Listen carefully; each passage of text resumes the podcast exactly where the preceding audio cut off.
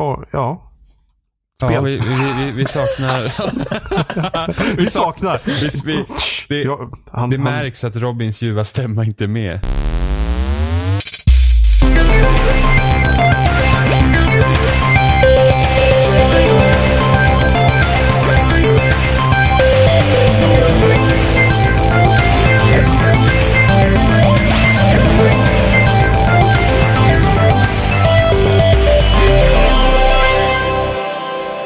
Lyssnar på avsnitt 147 med spelsnack. Idag är vi jag Johan, vi är Jimmy Jajamän. och så har vi Oliver med oss också. Hallå, hallå. Kan, kan du tänka dig att vi redan har gjort 147 avsnitt? Nej. Nej. Och en annan sak. Det är verkligen original crew nu alltså. Nu, Ja, vi behöver, vi, behöver- vi Eller behöver bara? Jens. Vad vad hände med Jens? Hade vi inte den här diskussionen förra gången också? Jo. Hade vi? Vad Vi, hände sak, med vi Jens? saknar Jens. Det är Nästa så här, eh, så här s- segment på våran podcast. Eller Vad eran hände med- podcast. Borde vara slutet av allt, vad hände med Jens? Och sen får man skriva in och hitta på en massa historier om vad som har hänt med Jens. Jens kanske gör jätte, så här, stor karriär som typ, ehm, ja, jag kommer inte på något roligt nu. Han Men kidnappad av Bowser.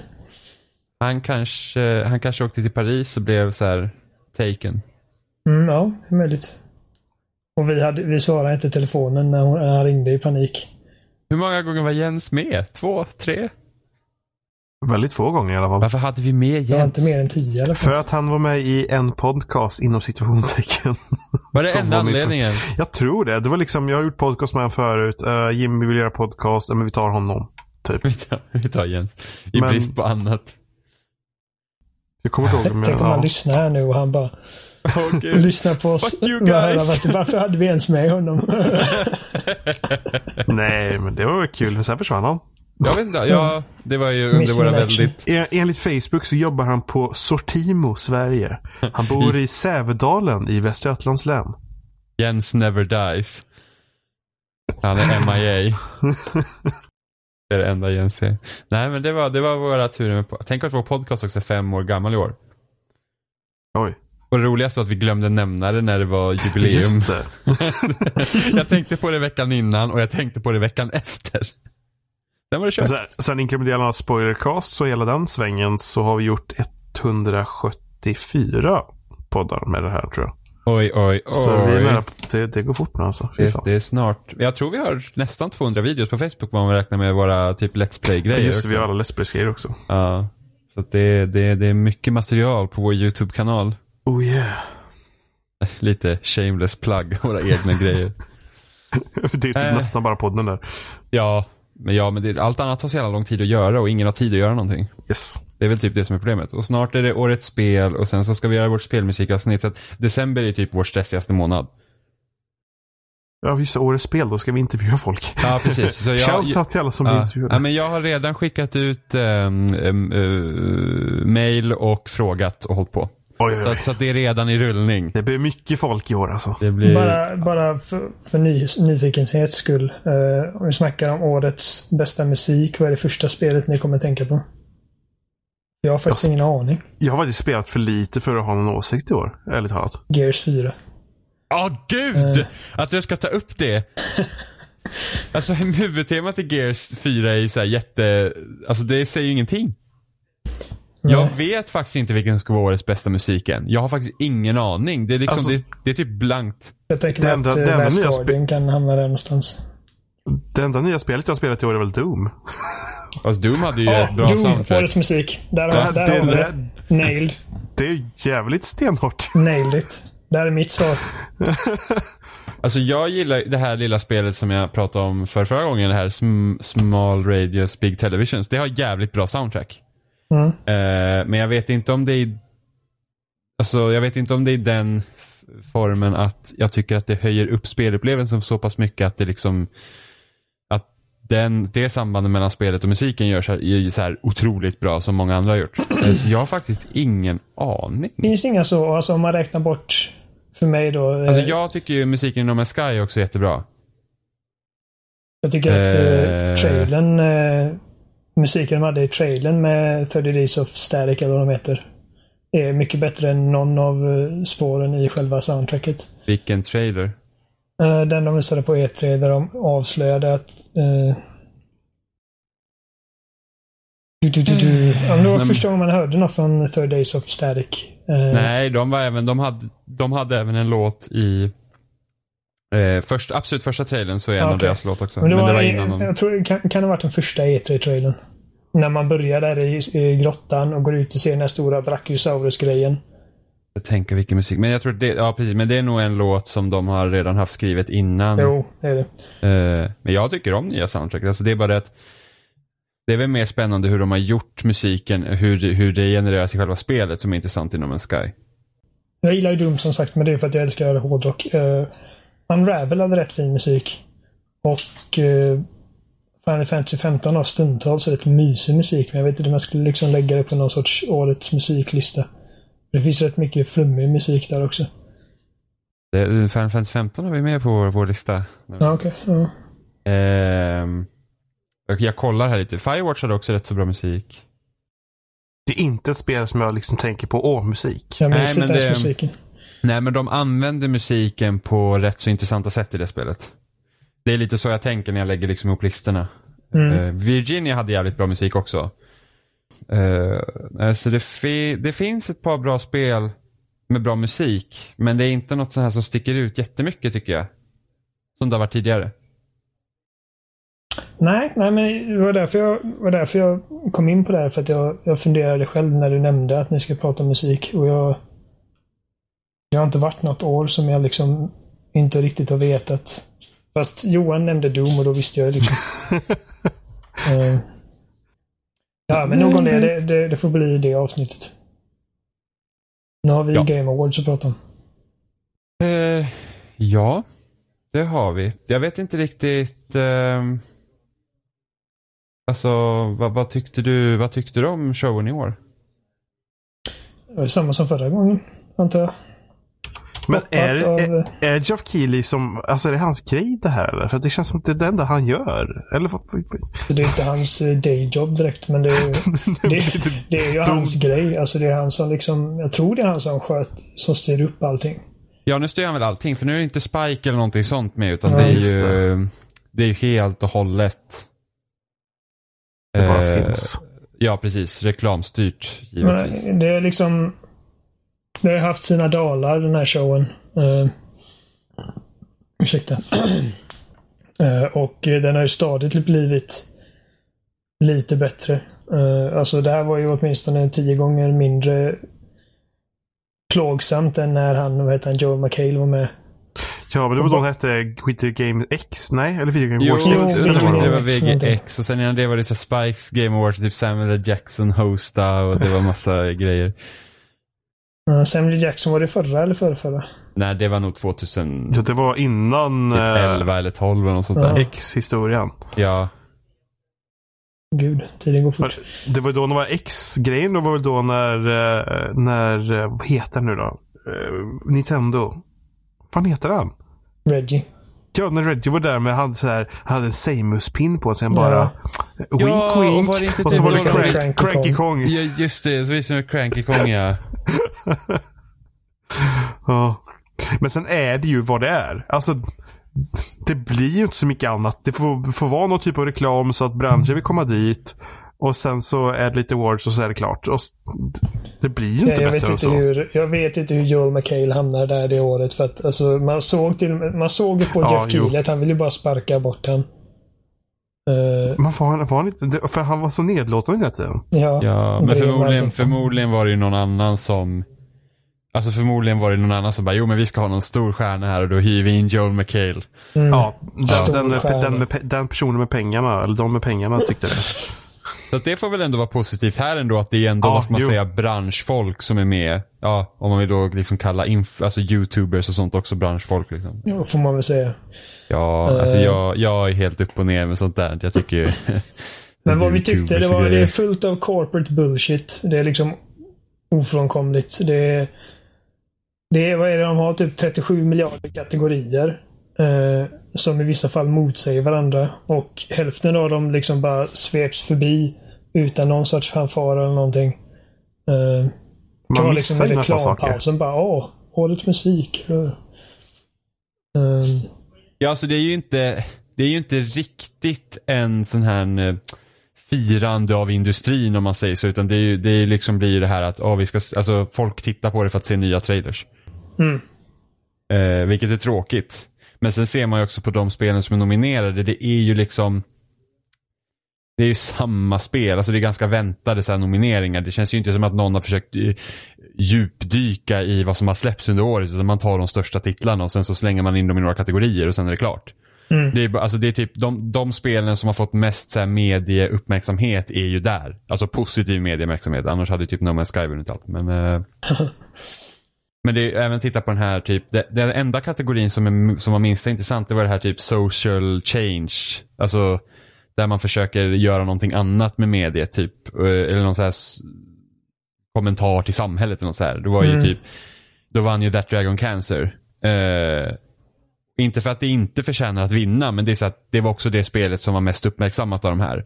Och, och eh, deras röstningsprocess som de har så är det säkert att först har de ju folk som nominerar eh, spel och sen de som kommer högst upp eh, blir också nomineringarna och sen så får eh, de som har nominerat spel får ju rösta på de spelen som blir kvar. Då.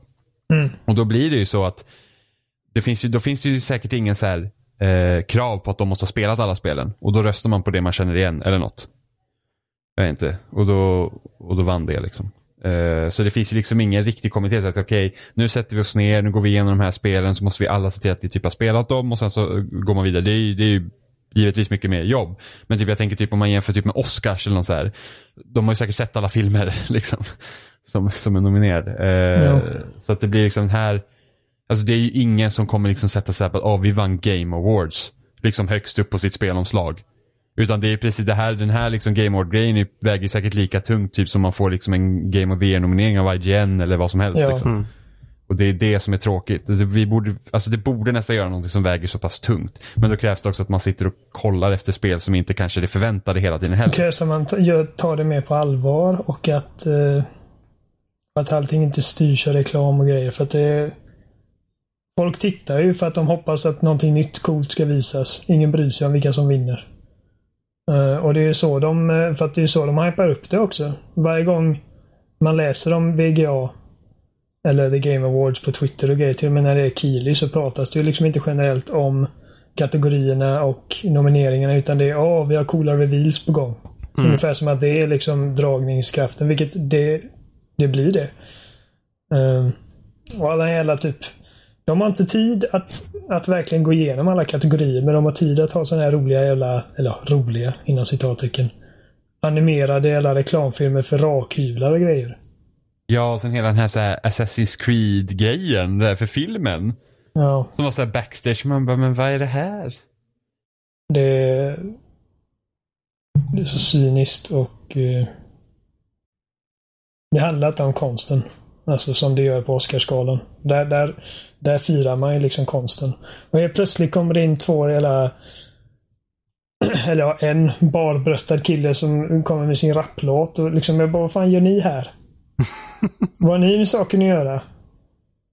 Men när, när Doom-kompositören kommer dit och ska spela några låtar från Doom-soundtracket så har det i alla fall någon form av relevans. Även om det också blir lite cringy när han står där och låtsas vara James Hetfield på Metallica-spelning. Liksom. Ja, det var jättekonstigt.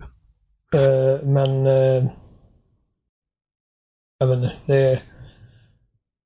Det det, det, det, är, det är som det är.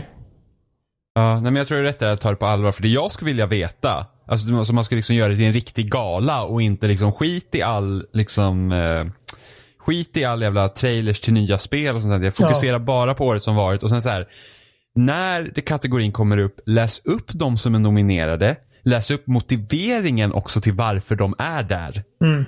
Och sen vinner en. Då har man kanske skapat lite spänning också. mm, Liksom, ja. Och sen vinner en. Och då vill man höra motivering på vad var det som gjorde faktiskt att den här vann. Och inte bara att alla har röstat på den här. För det är tråkigt. Det måste finnas någonting bakom. Så varför är det den här som är bäst? Eh, och det är något som jag tycker typ IGN har gjort ganska bra när de har visat upp sina så här årets spel, att då har de ofta gjort en liten video. De spelar in liksom, okej, eh, det här var varför den här vann, det här är varför vi tycker det här spelet var bäst. Liksom. Och så borde man nästan göra med alla de här kategorierna. Liksom. Här, den vinner på grund av att. Och sen får någon komma upp och hämta priset och så säger man sina tacktal och så går den ner. Och sen så kommer nästa kategori och så gör man samma sak. Liksom. För då hade, liksom, då hade priserna fått någon betydelse. För det är inte så att de inte lägger ner tid på det. Det var en jättefin staty liksom. Ehm, och grejer. Så det är inte bara liksom kastas bort så. Men det är synd att man inte visar det också. Och då undrar jag liksom, är de, eh, okej okay, visst att de måste få det finansiella att fungera. Eh, men liksom så här, är man rädda för att folk inte skulle titta då? Ja, nej, det, Ja. alltså de har långt att gå. För Ja. att ha någon sorts, att ha den relevans som de vill ha. Ja, och det är väl inte... Men det har ju gått ifrån att ha den där äh, äckliga snubben som var full eller vad han nu var för någonting. Eller spydig och jobbig till att det, det här i alla fall. Så det, det är ett steg framåt. Ja, ja absolut. det Det är här är ju, det här är bety- alltså, jag vet att många när man läser på forum, de bara åh gud det var så himla dåligt och bla bla bla. Men jag känner så här att när man tittar på det, jag tycker inte att det är liksom, det är inte dåligt, det är inte värdelöst. Nej. Eh, men det är vad det är liksom. Mm. Men sen så tror jag det finns ju, finns ju någon sån här, eh, som industrin själv har ju någon sån här jävla award show. Men det är ju inte, det är inget spektakel. Så jag vet inte, jag kommer inte ihåg vad det heter. Men det finns ju någon form också man kan få något pris också. Man, Bafta delar ut spelpriser och grejer. Mm, jag tror inte att det är Bafta gen- generellt det här, om inte jag har nej, fel nu. nej, det förstår det är jag. något annat också. Eh, men vi skulle behöva ha liksom någonting som verkligen liksom så att man, alltså då ska man också kunna gå efter personer och innovera, alltså man ska även kunna ta in man kan säga tekniska innovationer också inom liksom fältet då, till exempel. Eh, så att, ja, det finns massor man ska kunna göra. Men Men det om, blir, man, om man nu ska gå in på det där då med sånt de visade och spektakulära eh, exclusive trailers. Vad var det de visade? Det var Death Stranding bara eller? Vad var ja, just det, just det. Det var där de visade Death Stranding ja. Ja. alltså när, Eh. när vi ser, eh, vad heter han, Guillermo del Toro komma där med en behållare eller någonting. Och, Jimmy frågar mig innan vi får reda på vad det är för någonting. Eh, vad är det han har där i, i, i famnen? Jag bara, det är säkert en jävla behållare med ett foster eller någonting. Jag skojade. och så var det det. ja, det var ju lite roligt. Mm. Eh, Men det, alltså det spelet är grymt. Eh, jag tycker det är grymt intriguing. Jag, jag har inte det perfekta svenska ordet för det. Vad fan är intriguing? Det är, Lockande. lock, det är kittlande, det är spännande. Det är liksom, jag är nyfiken på det för att jag vill se hur de här galna bilderna och de här idiot-tematiken hur det ska översättas till ett actionspel som påminner om Uncharted och The Division. ja, men det är också så här, det är ju skräckinslag i det också. Alltså, hoppas bara vi får ta- springa runt som nakna Norman Reedus hela spelet. Ja, men ta bara den där tanken liksom som visas i början av trailern. Det bara kommer så delar från, så här huddelar och grejer från den. Det är jätteäckligt. Och Mads Mikkelsen är med och han är cool. Ja, det jag dock, det som gör att jag inte är så superintresserad av spelet, alltså jag är intresserad av spelet för att det är jag. Men eh, anledningen till att det liksom inte liksom fångar mig så att oh, jag vill verkligen se vad det är, det är liksom att det är det här militär och krigstemat. Mm. Jag bara, Ja, kunde, han inte, kunde han inte ha gjort något annat? Liksom? Måste det vara så här militär och vapen och grejer? Det har varit roligare att se han försöka göra någonting annat än att kanske göra en ny take på typ Metal Gear fast ändå inte. Så det är väl det jag tycker är det tråkigaste med, med spelet. Sen är det helt omöjligt att veta vad det är för någonting. Exakt, sen vet man inte allt. Det kanske inte har någonting med det att göra allt. Det, det kan kanske ligga där i bakgrunden men sen kanske vi ändå inte kommer springa runt och skjuta massa grejer. Men det Eh, flummiga med, alltså, kommer ni ihåg eh, när Metal Gear Solid 5 inte var en grej? Ja, Och när de Moby visade Dick Phantom Studios och... Ja. De visade Phantom Pain och det var liksom brinnande valar som dyker upp från skogen. Och brinnande Och flygande hästar. som... Ja, Joakim Moberg. Det var Hideo Kojima Ja. egentligen. Eh, Ja, och man tänkte liksom, hur fan ska det här bli ett Metal Gear-spel? Och när det spelet väl släpptes så var det ganska straight forward. Liksom. Så att jag tror inte att när vi väl spelar Death Stranding så kommer det vara mycket mer eh, ordinärt än vad den här, de här två trailersen eh, ger, eh, ger prov på. Ja, så det är att- lite tråkigt. Jo, ja, men, ja, det kan... Ja. Kan vara tråkigt. Jag ska inte... Vi vet ju inte någonting. Nej, jag har ingen aning. Men liksom, eh, det kan vara tråkigt om det liksom är sånt. Men eh, jag undrar bara, är det lite, alltså jag undrar om det är, är det lite för tidigt att visa det här? Det är Men vi har ändå fått alldeles se- för tidigt. För att vi har ändå fått se, inte, inte så att vi har fått se rätt mycket. Men vi har ändå fått se rätt mycket med tanke på att det kanske kommer ut 2019, 2020. Men äh, alltså när de visade första trailern på E3. Det var denna E3 va? Ja. Ja. Då hade de inte ens valt en spelmotor att börja bygga spelet igen. Eh, Nej. Och alltså det var som att då, det de hade då känns det som var att de hade ett koncept och de hade Norman Reedus. Eh, och nu har de valt motor. De kör samma motor som uh, Guerrilla använder med Horizon Zero Dawn. Så mycket vet vi. Eh, så att Ja, det kan ju blir bli det open som. world kanske? Det är möjligt. Ah, Jag vet inte om jag vill ha ett open world-spel alltså. Inte jag heller, men eh, det känns bara... Det känns rimligt att det blir så med tanke på vad hans förra spel var. Och eh, kanske också att han kände att han inte riktigt fick göra det rättvisa. För att på senare Yes. tid har vi fått reda på att han de sista sex månaderna av spelets utveckling fick han inte ens interagera med sitt team. Han fick, han fick sitta i ett eget rum på en helt annan våning och kommunicera med sitt team genom en eh, springpojke i princip. Som liksom sprang med meddelanden fram och tillbaka. Alltså, Det är bara hur konstigt. sjukt är inte det? Undrar, undrar vad fan som har hänt alltså. Jag undrar vad som har hänt. jag är så sjukt nyfiken på, på liksom historien bakom det. Och eh, jag tror inte vi kommer få reda på det på många, många år. Det finns säkert kontrakt och grejer som förhindrar dem att prata om det. Förmodligen. Eh, och, eh, men det, alltså, det låter ju helt sjukt. Jag menar, jag vet att när två liksom kreativa, eller när kanske en kreativ kraft kolliderar med en, eh, med en eh, ekonomisk sådan så, så blir det ju konflikter ibland. Och det är inte... Det har ju hänt många gånger att eh, så här, drivande eh, personer bakom projekt, oavsett om det handlar om spel eller vad som helst, eh, tvingas lämna någonting innan det är färdigt. Som Amy Hennig, eh, hon fick ju lämna Uncharted eh, en bit in i utvecklingen. Hon hade, ju, hon hade ju sin idé om vad det spelet skulle vara. Hon hade ju anlitat skådespelare som sen sparkades. Eh, men jag tror inte att Naughty Dog tvingade henne att arbeta i- liksom i ett stängt kontor. Och inte lät henne prata med sitt team. Utan de liksom sa okej, det här funkar inte. Du får gå. Eller så sa hon okej, det här funkar inte. Jag går. Men jag tror det där med, med Kojima och Konami, det är säkert så att de bara, nej men det här projektet bara läcker pengar. Ja, det gör det säkert. Nu, nu måste det bli klart. Och han Nej. liksom bara, nej, jag vill göra vad jag vill, ville Det göra. Och spelet sen de bara, då får inte du göra det. hur dyrt som helst att utveckla och det har tagit väldigt lång tid att utveckla. Och Kojimas, Kojimas ambitioner för det spelet var ju helt sinnessjuka. Eh, Men sen kan det säkert hända att det bara blir större och större hela tiden. Alltså Ja, det var som jo. en snö, snöboll som bara Ja, nedförsbacke men och större och större. Och typ bara, det, det, det, out of control. det är jag helt säker på att det har blivit. Liksom att det har utvecklats och blivit större med tiden.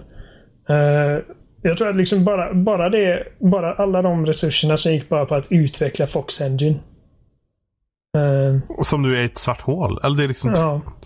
Och sen, eh, och sen liksom att få själva spelet att fungera mekaniskt. För att det har de gjort jävligt bra. Det känns som att det är där liksom bulken av pengarna har hamnat. Och sen så ska det liksom vara story, det ska vara mellansekvenser ska produceras och all annan skit utöver det. Eh, Och eh, men de fick ju klart den öppna världen och fick klart spelet i sig men det är liksom en ett halvt spel saknas där rent narrativt. Eh, så jag, jag, jag tycker inte hålla det emot Konami, liksom att de måste säga stopp någon gång. De, de är inte gjorda av pengar givetvis. Men sättet de skötte det på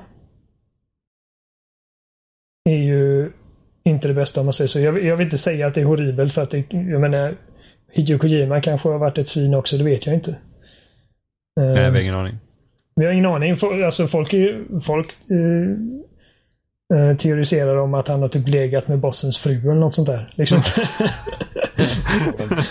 Det känns, alltså det, jag, jag, vet, jag vet ju inte men det, det tror jag inte. Men alltså, Nej, det är liksom på den nivån det ligger. Liksom, vad fan har han gjort för att förtjäna den behandlingen? Mörda bossens son eller något sånt. Ja, är också... Han har gått så all out. eh, Snake alltså- och... Vi vet ingenting om Death Stranding i, precis, i princip och det är alldeles, tycker jag, det är alldeles för tidigt att prata om det. Eh, Ja, alltså det, det, Det- det- känns nästan det- som att det spelet skulle behöva försvinna efter det här. Liksom Ja. bara att nu, nu, tills de är redo att visa det och sen är det typ ett halvår kvar till släpp eller någonting det skulle inte förvåna mig om vi inte får se det förrän typ 2020 eller sånt där. Eh, Nej, vi får se helt enkelt. Det ska Ja. bli intressant att se vad det är för någonting. Kul. jag, tror eh, att, eh, jag tror att han har en bra partner nu i alla fall med Sony. ja, men att de har ju kul. visat tålmod. Eller tålamod. Ja, det kan man ju typ säga. Last Guardian. Eller hur? Eh, men det är väl det, lite det, det är lite det jag tycker är rätt så skoj med Sony ändå. Att de, de vågar ta riskfyllda projekt. Alltså det De är aldrig rädda för att göra nytt. Nej, så det, det är typ den skillnaden jag brukar säga sätta mellan Microsoft och Sony när det kommer till deras spel. Att Sony är väldigt eh, drivna på narrativ och handling och Mm. försöker liksom göra nya grejer där. Eh, Medan Microsoft är mer såhär gameplay, gameplay, gameplay. Vet. Ja, och eh, Eh. Sony har också en väldigt bred repertoar av olika sorters spel. Mm. Eh, de har så mycket som händer. Medan Microsoft är, det är ett amerikanskt företag och det, det liksom reflekteras väldigt väl i vad de har under huven. Ja, det, det är synd att de inte tar mer risker på liksom, narrativa grejer. De har försökt ta lite risker med grejer som inte nödv- nödvändigtvis skriker Microsoft. Som eh, Blue Dragon och sådana grejer. Men det har liksom inte riktigt lyckats för dem. Nej, men det är så länge sedan nu också. Jo, ja, det var ett tag men sedan. det, jo, men liksom Microsoft har ju liksom inget så här liksom narrativt drivet liksom som Naughty Dogs spel är. Eller, Mm. eller försöker med sig med de här mer artistiska grejerna som eh, ja, men som Last Journey och The Last Guardian Mm. eller eh, Som för övrigt, när vi spelar in det här har recensionerna kommit ut. Det känns helt surrealistiskt. Ja, det, det är jätteweird. Alltså, ja. ja, vi kommer ju prata om det nästa vecka. Ja, Förmodligen. För att jag planerar att köpa Last Guardian. ja, ja. Eh, men jag läste en recension från Wired och de nämnde Last Guardian som att det har tagit tid och det har varit tekniska problem under utvecklingen. Men när man spelar Last Guardian så känns det som att det här är The Last Guardian som blev visat för oss. Mm. Eh, till skillnad då från typ Final Fantasy 15 som är, som är helt annorlunda mot det som visades första gången. Exempelvis. ja. Eh, men de visar ju mer grejer på Game Awards som kanske kan vara Mass Effect Andromeda fick eh, en gameplay-trailer. ja. just det. Eh, och Det ser ut som jag, Mass Effect. ja, jag känner ju så här att så de har visat upp Mass Effect hittills så är det egentligen bara den första teasern som fick mig bli hype på spel. Alltså liksom att oh, det är ett nytt Mass Effect. Vadå, den när, när snubben stod vid en kommando. Eller hur, eller hur. ut. När man visste, du vet, för minimal info som möjligt.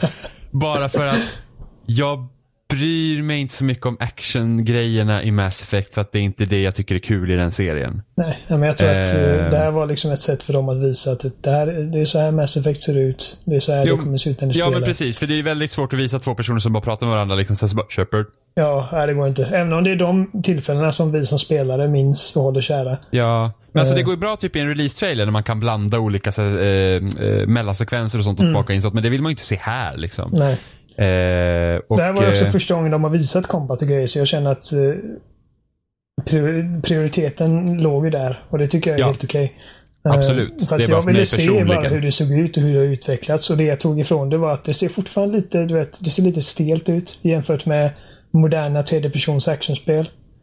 Men man verkar ha mycket mer rörlighet. Man verkar kunna liksom hoppa upp högt i luften och man kan boosta fram och tillbaka längs med marken och dodga grejer. Så att, det Det blir var det lite när jag kollade på det som kände att när jag kollade på det, alltså kände att det här kan inte jag spela. Jag förstår ingenting. Det är som, ja, vad kan man, nej men det, jag har ingen aning. Vad håller de på med? Jag förstår Gammel-Johan.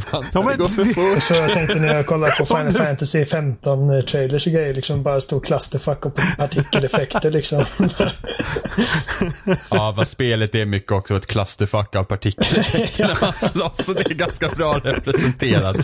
Eh, men jag är det jag är mest orolig för för Mass Effect Andromeda är att ehm, att, att det är lite det att de behandlar eh, världen som de gjorde i Dragon Age Inquisition. Att du har de här jättefina olika platserna och så fyller de dem bara med massa fetch quests. Det är ju mardrömmen. Eh, Och jag känner att det har blivit lite väl mycket sånt nu i de här open world-spelen som kommer. Att det liksom finns, det är väldigt få som har någon substans i sig. i, utöver den story de vill presentera och den ärligt talat börjar vara ganska tunn i de flesta spelen. Mm.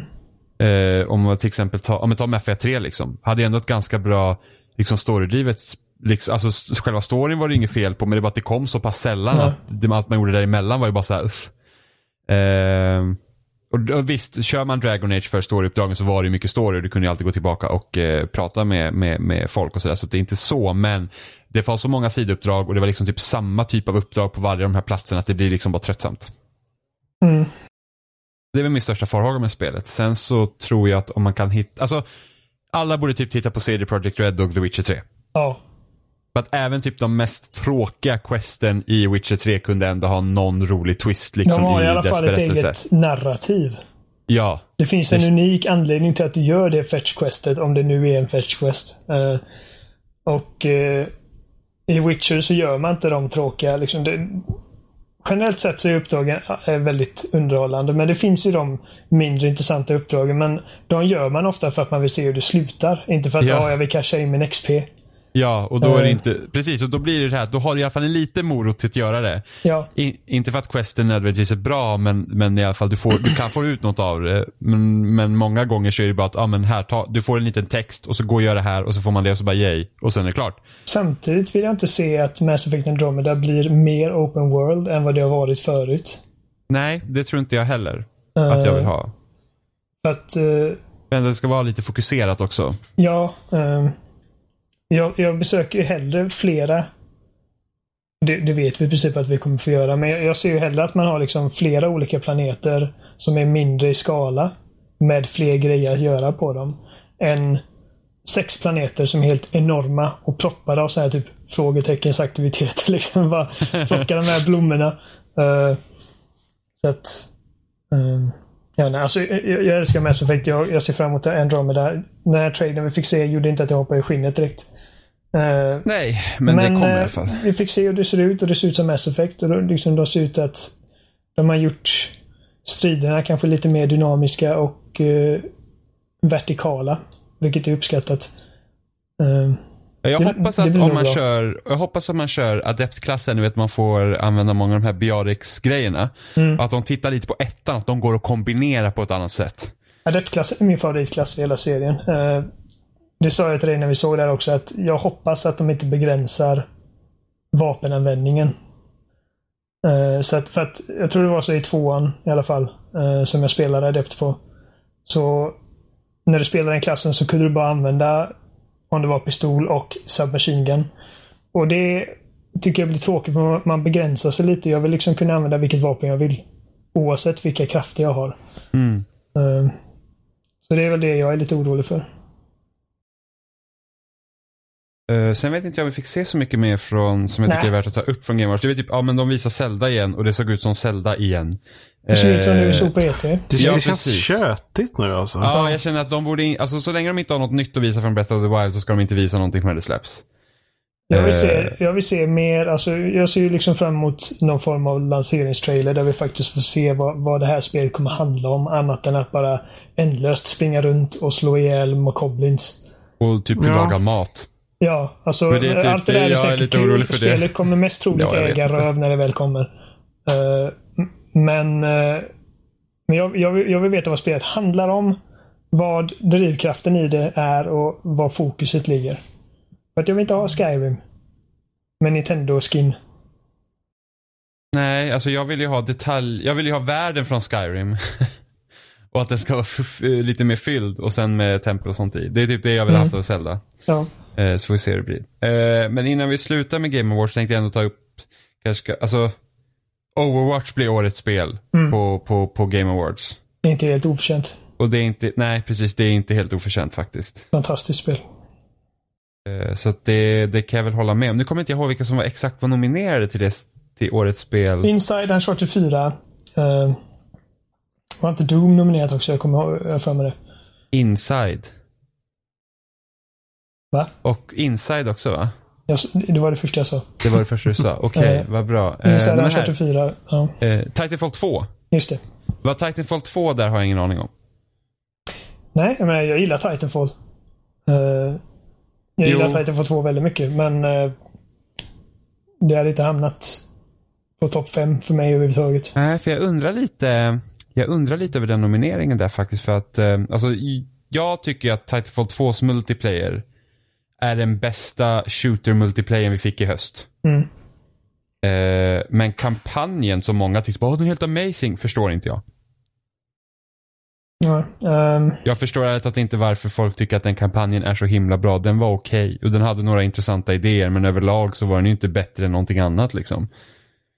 jag känner liksom att själva bandesignen är väl bättre än i ditt regular Call of Duty. Ja Eh, fast det beror på när i spelet liksom. Jag, Ja. jag tycker inte att det håller jämn kvalitet Nej, över hela jag spelet. inte. Du har dina liksom vanliga korridorer också. Men de har också De hade några coola grejer som det här med eh, Time Twistern och eh, eh, vad det nu var de hade mer. Eh, och jag tycker den här banan när man hoppar mellan eh, skeppen där när man eh, flyger genom dalen är rätt coolt också.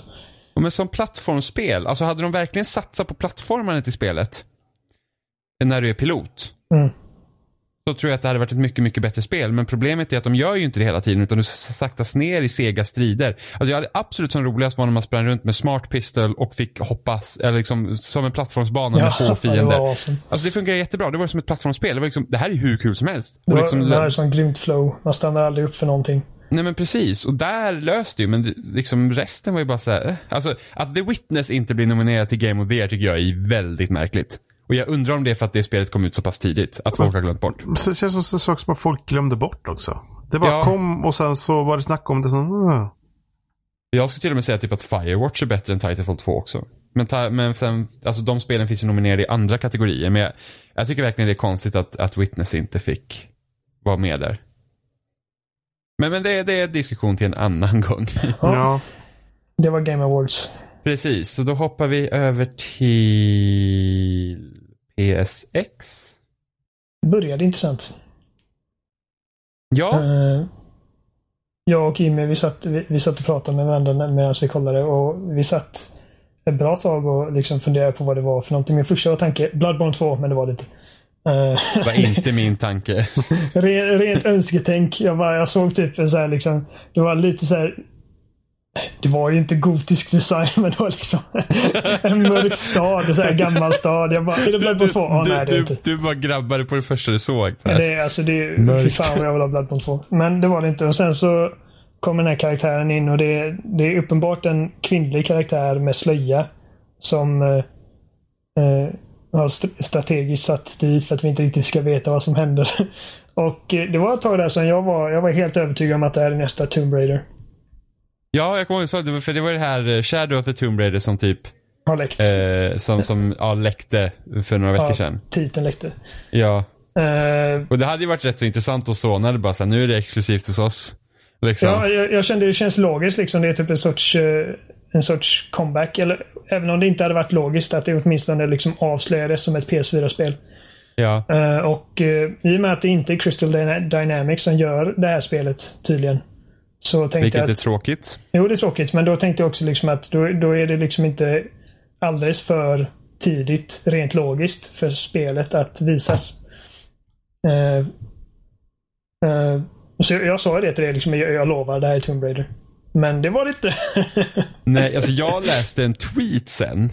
Som att, ah, jag såg att det var ett Naughty Dog-spel på så här dörrtexturerna. De har ju en väldigt speciell stil, har de ju. Men det, det var rätt så intressant. Men jag hade inte tänkt att det var en charter för att, När jag Eh. insåg att det var... eh, eh, Du ska få avsluta den tanken. Jag bara... När, ögonblicket Nej. då jag insåg att det här var en charter var när, strid, när, när hon började slåss. Och hur snyggt koreograferat det var och hur liksom... Hur bra kameran fångar ögonblicken. Och det var väldigt... För att det är en grej som Uncharted har gjort väldigt bra. Liksom att filmiska slagsmålsekvenser. Och då tänkte jag att det här, det här är Uncharted. Det här är DLC. ja, och det, det, var kul, det var kul att vi får se Chloe.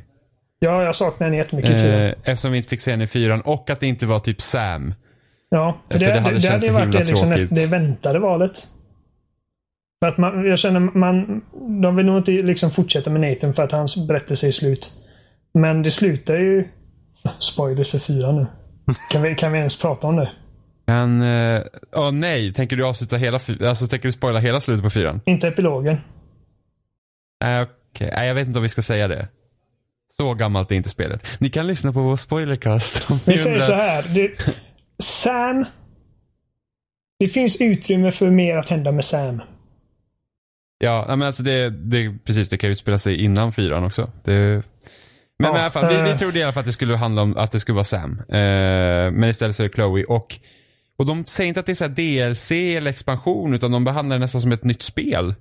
Som en standalone spel Ja, det är Ja. kortare än fyran men större än Left Behind till... eh, vad är det det hette?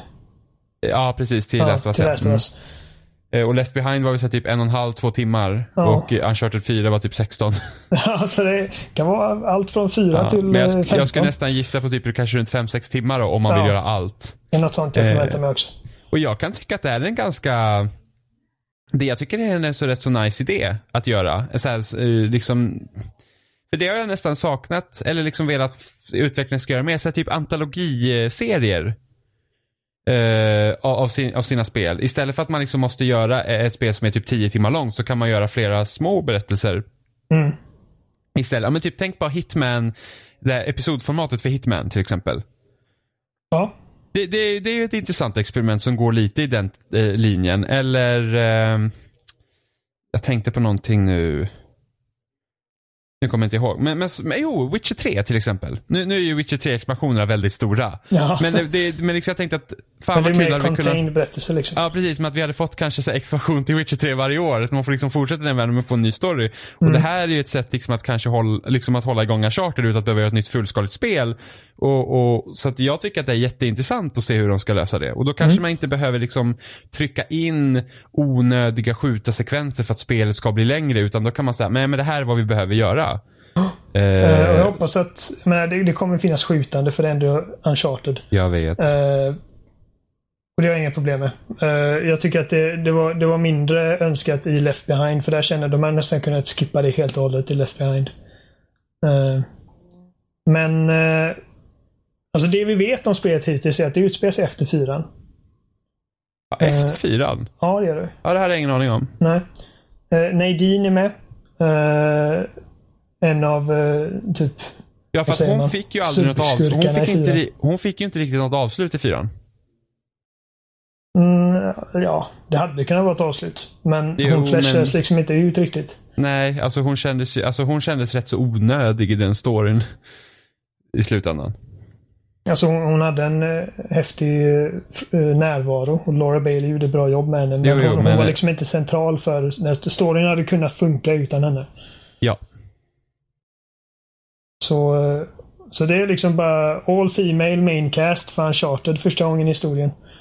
Eh, och eh, det kan bli riktigt coolt. Jag ser fram emot det. Eh, vi vet också att det utspelar sig i Indien. Men inte bara i den här urbana miljön vi såg i, i trailern, eller ja, i demon. Eh, det kommer finnas mer eh, så här typ tempel och eh, stora djungler vet jag inte. Skogar kanske. Vad har de i Indien? Har Finns de djungler? djung, finns, det finns väl djungler i Indien? Och det finns Johan. säkert. Du vet väl? Djungler i Indien? Ja, de Ja. måste det väl finnas? Det- Måste, måste det finnas det? Ja, men de, det, det känns så. Djungelboken. Sant? Ja, gud. Jag har aldrig tänkt på att Djungelboken utspelar sig i Indien. Inte jag heller. Jo, men det finns är i Indien. Jag logiskt i och med att det inte är lejon utan det är tigrar. Jo. Men jag har, aldrig, jag har aldrig gjort den kopplingen. Gud vad konstigt det kändes. Men det är klart. Poängen är, vi kommer inte bara springa runt i en stor stad. Eh, Roligt att vi gillar att, att, att vi vet att det finns djungel i Indien på grund av Djungelboken.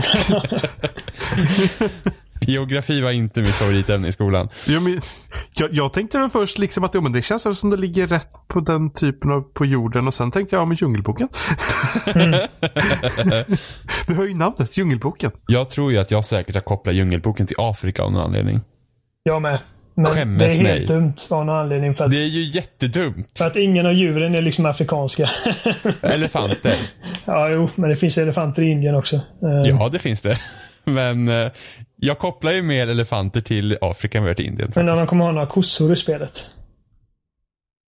Men det måste ju finnas. Finns det inte kossor i... Det finns väl kossor i något Uncharted-spel? Gör det inte det? Det finns en, eh, vad, är, vad, är, vad heter de? Bison. Eh, Men det är väl i Indien som kor är heliga va? Ja, och det är det. Ah. Man kan, typ, man kan liksom sätta igång en skenande kojord framför massa fiender så de inte kan skjuta. Det hade varit nice. Ja, det hade varit Elakt. riktigt nice. Eh, Bara använder, bara använder djur på mest okonventionella sätten. Mm. Eh, ja, jo men det är sant. Fan vad spännande.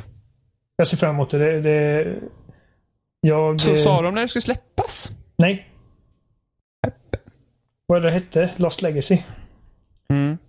Uncharted The Lost Legacy. Det heter inte ens Uncharted 4. De behandlar liksom inte som en DLC. Jag vet inte ens om de kommer sälja det som en, som en DLC till spelet eller om det kommer vara liksom en separat grej du köper. Kanske Jag till och med få ett eh, fysiskt släpp. Jag, jag, jag tror alla tre. Jag tror, att Ja. du kan, jag tror att du kan köpa det fysiskt. Jag tror att du kan köpa det som standalone och jag tror du kan köpa inifrån Uncharted 4 också. Känns ju meningslöst. Ja, men varför inte? Nej, jag det kan- vet ja. inte. Jag vet faktiskt inte. Du kanske får så här discount om du äger Uncharted 4. Jag vet inte. Ja, vi får se. Eh, men det ska bli spännande. Men Naughty Dog var ju typ de stora stjärnorna på PS6. Ja, men vi väntar lite med det va? Jaha, okej. Sure. Eh, det händer lite annat. Uh, NAC 2. Stoppa pressarna. oh my fucking god. Eh, Jaha. Spelar, har du spelat NAC eh, Johan? Nej, men det, det, det verkar vara så mediokert och så hamnar jag Det så det. efter. Hamnar jag så efter liksom. Jag skaffade PS4 lite senare liksom. Jag, jag var ju ashype på NAC. Det var det spelet jag såg mest fram emot på PS4. vad men det, det såg ju lite kul Ja, alltså, det det, såg så här- ju kul ut. Ja, för det var liksom, den här typen av spel kommer inte riktigt längre. Nej. Ehm, och det ska bli kul liksom, en ny hårdvara och allting. Det ser, det ser skitmysigt ut. Och jag hade bokat, jag hade bokat PS4, Battlefield 4 och NAC. Och så kommer recensionerna ut och NAC blir totalt sågat och bara såhär, nej avboka. Det är liksom, då är det 600 spänn jag inte behöver lägga ut på någonting. Jag väntade med det, men jag köpte det sen när, det, när jag fick det för 79 kronor ett par år senare. Och eh, i sina bästa stunder är det medelmåttigt. I sina värsta stunder är det riktigt dåligt. Så jag har hört att det är typ framförallt tråkigt. det är grymt tråkigt och det är onödigt svårt. Svårt. Det är riktigt svårt. Eh, och eh, men det, alltså rent spelmässigt är det bara, det är bara en riktigt, riktigt, riktigt obscent neddummad version av God of War. Så tänk dig, tänk dig God of War med så här Partille-Johnny-grafik. Eh, och den enda kom... ja, ja. Är det? Karaktärsdesignen är hemsk i det spelet. Ehm, och uh, det enda kombon du har med Kratos är typ en så här one, two, three punch i princip. Och så hoppar du mellan plattformar ibland. Jag tror ju att jag tror ju att NAC på något sätt först var så här bara en teknikdemo för att visa hur många delar som kunde liksom Mm. rymmas på en och samma eh, skärm. Liksom så att Ja, det kan ha startat typ, här, här rasar vi ett klosstorn till exempel. Eh, och så tänkte man, "Ah, vi kan nog göra ett spel av det här. Och så blev det som det blev. Ja, det är en kul idé liksom att man bygger upp sig och blir större och större. Till slut så är du stor som ett hus. Eh, Men det förändrar egentligen inte spelet någonting. Du tål fortfarande bara typ tre träffar innan du dör. Eh, För i och med att medan du blir större så blir också motståndet större. så medan du är som liten så slåss du mot stora, liksom mot spindlar. Och när du är stor slåss du mot pansarvagnar. Så- Men gud vad tråkigt. Det är liksom en, det är mer av en typ kosmetisk skillnad liksom. Ehm. men, men.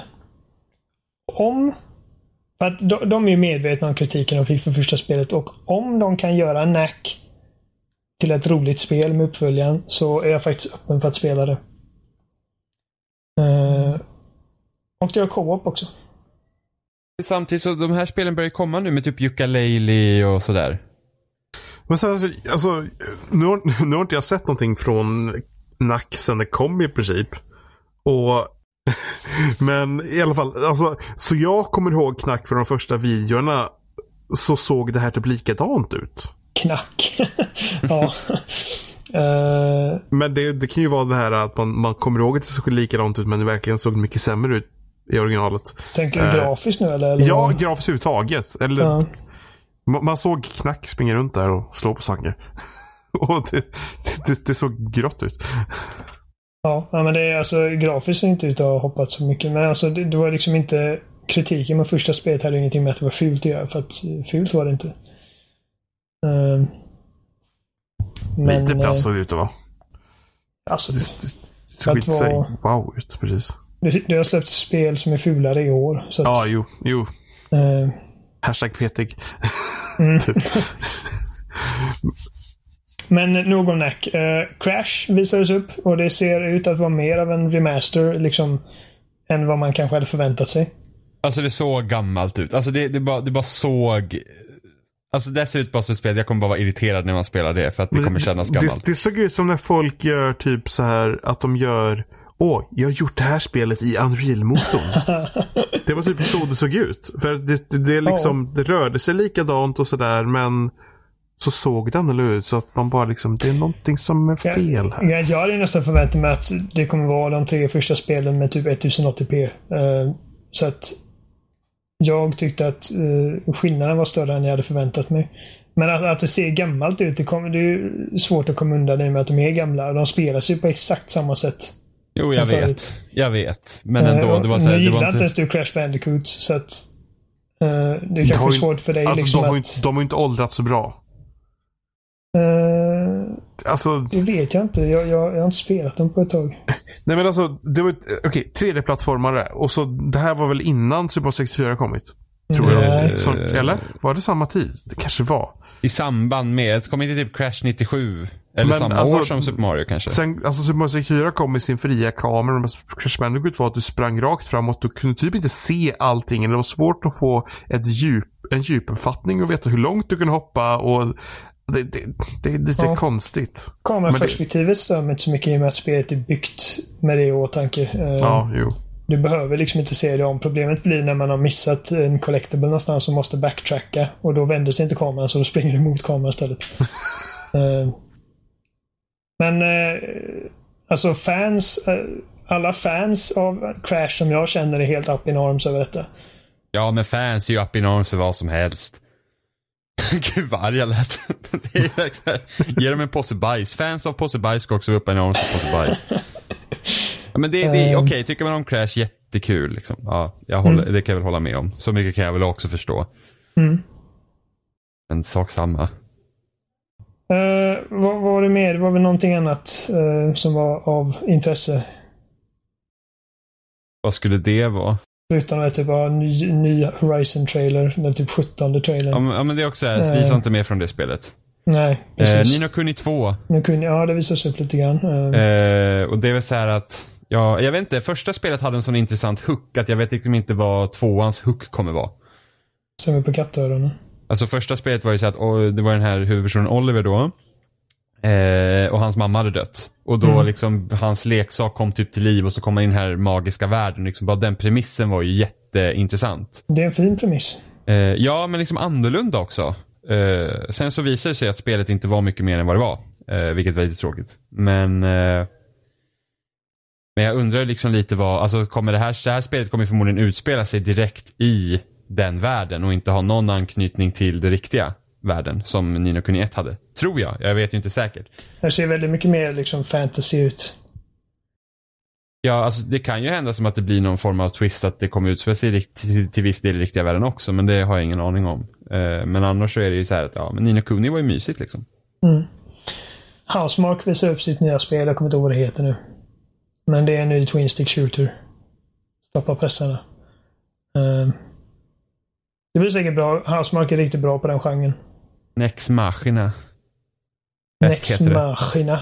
Ja, Vad heter Nex Machina? Machina? Man kan säga Machina. Var fick jag Machina ifrån? Jag har ingen aning. Du bara, Har du sett filmen Ex Machina också? Nej, det har jag inte. du borde se den. Du hade gillat den. Ja, men det, det, de förklarar som att det är någon eh, blandning mellan Defender och Smash TV. Typ. Jag har inte spelat någon av dem. Okej, ska vi gå på bomben nu då? Eh, Ja. Så att Ja. de visade liksom en... Det var liksom en stor jävla reel av massa random VR-spel och grejer till vita och grejer. Och till slut går Sean Layden upp på scenen och säger att ah, tack så mycket för att ni kom hit. Det varit awesome. Uh, kom och spela spelen vid montern men vi vill lämna er med en grej. Och du vet, våra tankar går ju direkt till Last of Us. jag sa det till min flickvän innan, vi, innan jag började kolla. Hon satt bredvid och kollade med mig. Eh, att, alltså, drömmen är ju liksom, det är ju Last of Us 2. Eh, Men jag tror inte det kommer hända. Och det cementeras ytterligare när de visar upp Uncharted-expansionen i början. Jag tänkte att Natodog kommer inte ha två grejer här. Och så kommer, kommer den första De bilden. göra. kommer den första bilden av typ ett väldigt amerikanskt skogsområde och jag bara... Tankarna går ju direkt till Last of Us och de vet ju om det. Eh, precis som många trodde att de, de skulle visa upp Last of Us när Days Gone visades upp. Ja, fast det, det tyckte jag var jättekonstigt. Jag, jag gjorde inte den kopplingen. Jag kände att man såg direkt på Days Gone att det där inte var Last of Us. Så tänkte jag, men lite mer cred kan man väl ge Naughty Dog. Ja, liksom bara, "Åh, här är en random skog. Last of Us. Men jag hoppades och jag vågade inte hoppas, men jag sa till Jimmy, snälla säg att, snälla att det är Uncharted. Inte Uncharted, Last of Us. Snälla säg att det är Last of Us. Och så kommer den här skylten upp med Firefly-emblemet på. Och bara, rummet bara exploderade. Jag bara ja! Och skrek som en liten unge. Och, och så, blir, så ser man Naterdog-loggan och folk skriker ännu mer. Och då tänkte jag att okej, det var det. Det, det. det är så långt de kommer gå. Liksom, här, här är 30 sekunder som visar att Last of Us 2 är på väg. Men så får vi se en person med en gitarr. Eh, hon har... Hon, jag visste inte om det var en hon för jag, jag tyckte inte att... Det var inte tydligt att det var en hon först. Det var liksom blodiga knogar och en tatuering. Men jag, bara, jag, jag känner inte till någon med en tatuering på armen. Jag kopplar heller inte liksom om det var någon överhuvudtaget eller om det var hon eller han eller någonting. Jag bara liksom, Nej. det är en person. Uh, om Natodog visste detta, de ville liksom hålla en in suspense fram till sista möjliga sekund. Eh, för att det är många som har funderat på om de kommer fortsätta med Joel eller om de kommer göra ett nytt spel med eh, helt nya protagonister. Och sen så får man se ögonen på personen som spelar gitarren och man ser bara med en gång, okej det är Ellie och folk skriker ännu mer. Eh, hon spelar gitarr, hon sjunger en låt. Eh, det rinner blod från hennes jag tror det är hennes panna, men det ser ut som att hon gråter blod för att det är liksom så inramat på hennes ögon. Eller på hennes mun. Eh, och man ser en silhuett komma in genom dörren och man vet ju att liksom, det där är Joel. Och visst är det Joel. Och han frågar henne eh, Are you really going through with this? Hon liksom typ tittar ner på marken och bara liksom jag, jag kommer hitta allihop och jag kommer döda allihop. Och det är så det slutar. Det, alltså, det, Ja. Jag kan inte komma på ett bättre sätt att avsluta P6 på. Nej, det var... Ja, man... Ja! Ge mig... Eh, jag, jag har skrivit upp en liten lista här på telefonen över grejer som vi vet. Eh, och grejer vi kan diskutera också. Har du spelat Last of Us Johan? Ja. Bra. Annars hade jag gått kareta på dig. Eh, min lista är relevant nu! så spelet heter The Last of Us Part 2. Vilket jag, tänker, jag tycker det, det kanske låter som en liten detalj. Att det inte är bara Last of Us 2. Men jag tycker det är en väldigt passande titel. För jag, jag tänkte... Jag drog kopplingen liksom till... För det sa mig verkligen att de vill verkligen spinna vidare på de här karaktärerna och vad de gick, gick igenom i första spelet. Och kanske framförallt hur det slutade mellan dem. Eh, och det men här... alltså, jag tror att det, det krävs, liksom det är så att du måste spela del 1 för att kunna förstå del 2 ordentligt. För att få rätt kontext. Och då hoppas jag verkligen att jag vill inte höra något sådär jävla bullshit prat om att "Är det här är den rätta tiden att hoppa in i The Last of Us. Vi har gjort det här och det här för nya spelare. Det är bara så nej spela spel 1. Sen spelar du spel 2. Done. Mm. Eh, jag drog kopplingen till eh, Kill Bill exempelvis. För att den, ingen av de filmerna fungerar utan den andra. Eh, och eh, Ja, jo, första filmen fungerar ju sig själv. Som, som en film liksom. alltså, den fungerar som underhållning men den Ja. är helt avslutad. Filmen heter Kill Bill. Hon har inte varit Ja, i ja. närheten av bilden. Nej, nej, nej, jag vet. Men det, alltså, som film så går det ju att se den utan att se Jo, det är tvåan. klart att den två- går att se och det går att spela ettan. Och få en, liksom en komplett story. Och jag tror säkert att du kommer kunna göra det med tvåan också men du går miste av, viss, liksom, av ett visst kontext. Precis som du kan spela Uncharted 4 utan att ha spelat något av de andra spelen men du missar massa. Men, men det här också, nu tror jag att de har kallat det part 2, att Uncharted 4 är ändå, storymässigt är det fristående. Och jag tror att part 2 by- kommer bygga på det som hände på ett, ettan. alltså ja. mycket mer än vad Uncharted-spelen har gjort. Precis. Eh, vi vet att eh, vi kommer spela som Ellie den här gången. Eh, det är liksom ur hennes perspektiv den här gången. Precis det jag har För- alltid trott. Att Last of. Us 2 kommer man spelar som Ellie. Det är logiska, det är den logiska fortsättningen. Det är liksom, första spelet var hennes story, men det var genom Joels ögon. Ehm, Och nu går vi full, full circle med det. Det utspelar sig ungefär fyra eller fem år efter. Jag tror det är runt fyra år. Uh, för att hon är, vi vet att hon är 19 år gammal nu. Och jag tror att hon, hon, har, hon har väl, hon och Joel har väl slagit sig ner där med Tommy antagligen. Vid eh, dammen. Eller deras lilla så här, typ, samhälle där i, jag vet inte om det var Salt Lake City.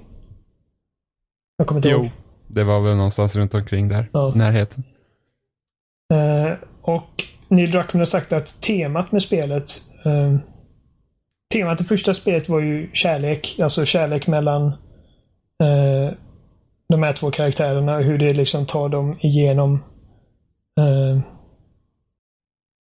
eh, grejerna som händer i första spelet. Och del två kommer handla om hat. Och hur det kommer driva eh, Ellie till att göra det hon gör. Och eh, frågan är ju, den, en populär fanteori som går på internet nu är att Joel är död. Um, någon har gått och mördat honom och hela hennes uppdrag i andra spelet handlar om att hämnas honom och att när, han, när hon pratar med honom så pratar hon med hans spöke i princip. Uh, inte, inte bokstavligen spöke men liksom att han, hon fantiserar liksom att hon pratar med honom. Vilket är helt vansinnigt. I min mening. Jag vet inte, vad tycker ni om den teorin? Alltså, nu sa du att nu var det inte så jättelång tid efter första spelet var, men jag fick lite intrycket av att hon hade åldrats, men han hade inte åldrats alls. Men att man, man, man åldras ju mer från 14 till 19 Ja, än man gör jo. från 50 till 55. Jo, jo, jo det är alldeles sant. Eh, så, Och vi såg dessutom bara hans baksida. ja. Men, Eh. men det var min initiala tanke, men du sa nu att det inte var så många år innan, eller mellan, som, som jag kunde tro att det kanske kunde vara eller så. Så, Mm. så ja, Och Ellie är ju inte heller... Jag, jag hade ju liksom tänkt att liksom nästa gång vi ser Ellie så kanske hon är 25-30. Men Hon är ju fortfarande tonåring.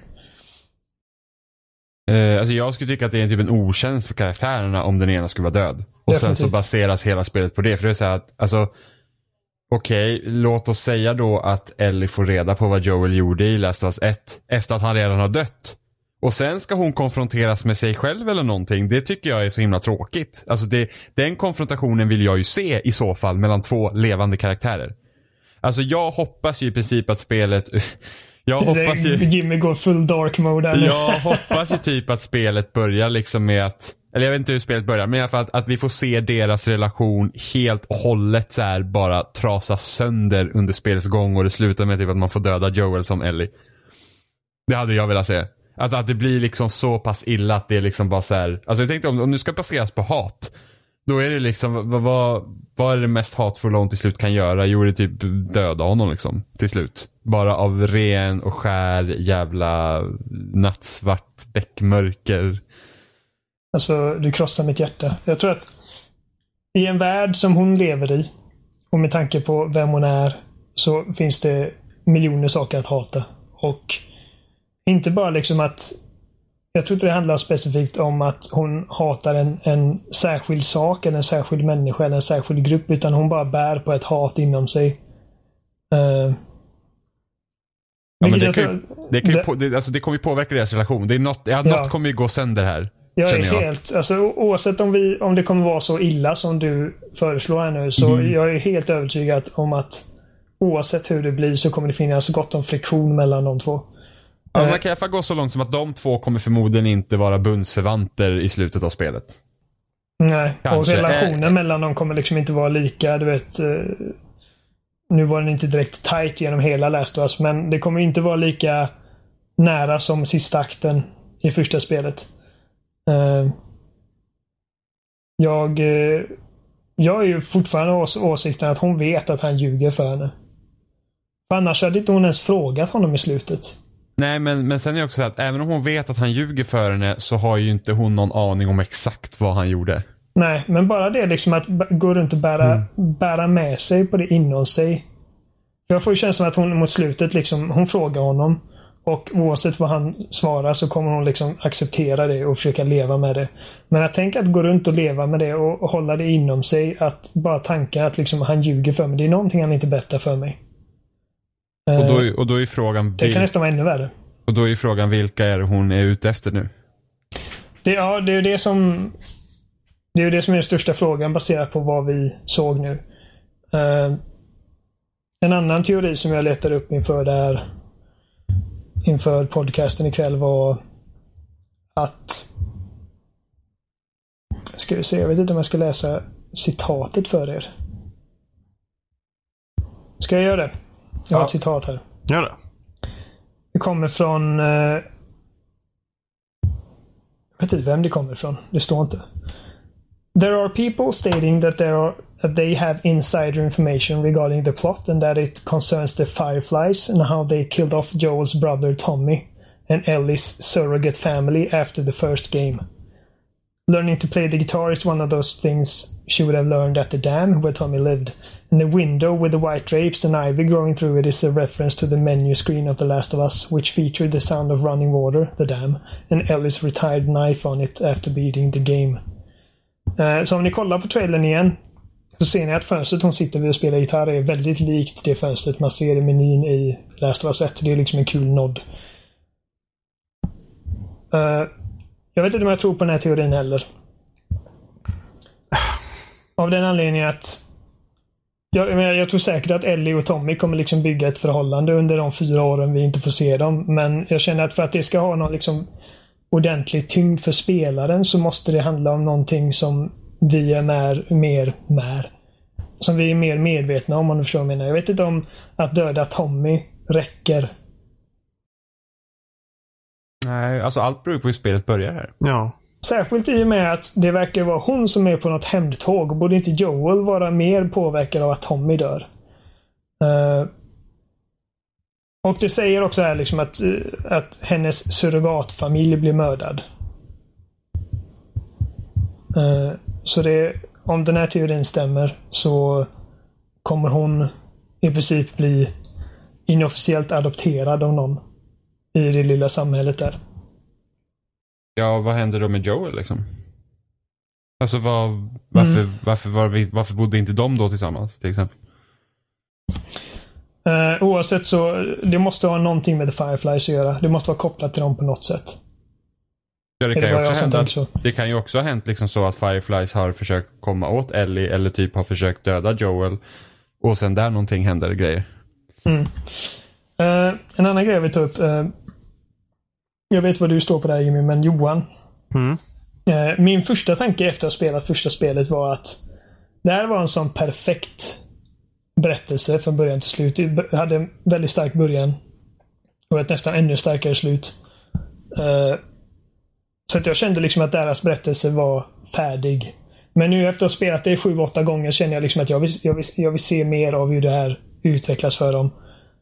Hur står du där? Hade du, Alltså, är det- jag, jag har bara spelat det en gång. Mm. Eh, och då fick jag intryck, då, då skulle jag inte få tanken att det skulle komma ett till spel. Nej. Överhuvudtaget. Eller för att Man kan Ja. argumentera för att Last of Us är ett sånt spel som inte behöver en uppföljare. Nej, men på samma gång så var, var man typ inne i tankar på den tiden också att de, alltså jag känner liksom att Noto kanske inte vill fortsätta göra uppföljare. Att de kanske vill göra mer så här projekt som Last of Us då och att göra mer nya saker. Men sen på samma gång så gick de ju tillbaka till en charter efter det. Så jag vet inte. Men jag var ju på samma gång väldigt, jag tyckte om Last of Us handlingsmässigt och mycket av det men jag var heller inte 100% såld på det. Såld på det. Det är inte en 10 av 10 för mig till exempel. Uh, för mig är det kanske en 8 eller 7 eller någonting sådär för att för mig var det typ tråkigt i vissa delar av spelet. Uh, speciellt i, i, i början av spelet var det typ så här.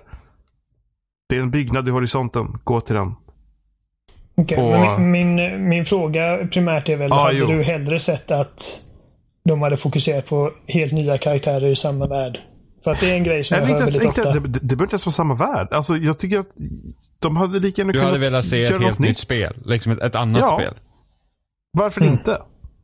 Men Alltså- på samma gång så är det inte dåligt heller. Det kan man säkert på skitbra. Så Jag har absolut alltså- ingen aning. Jag förstår ju hur du tänker, för jag tycker också att, att man kanske borde mer göra sådana här, alltså att varje spel behöver inte vara en franchise. Nej.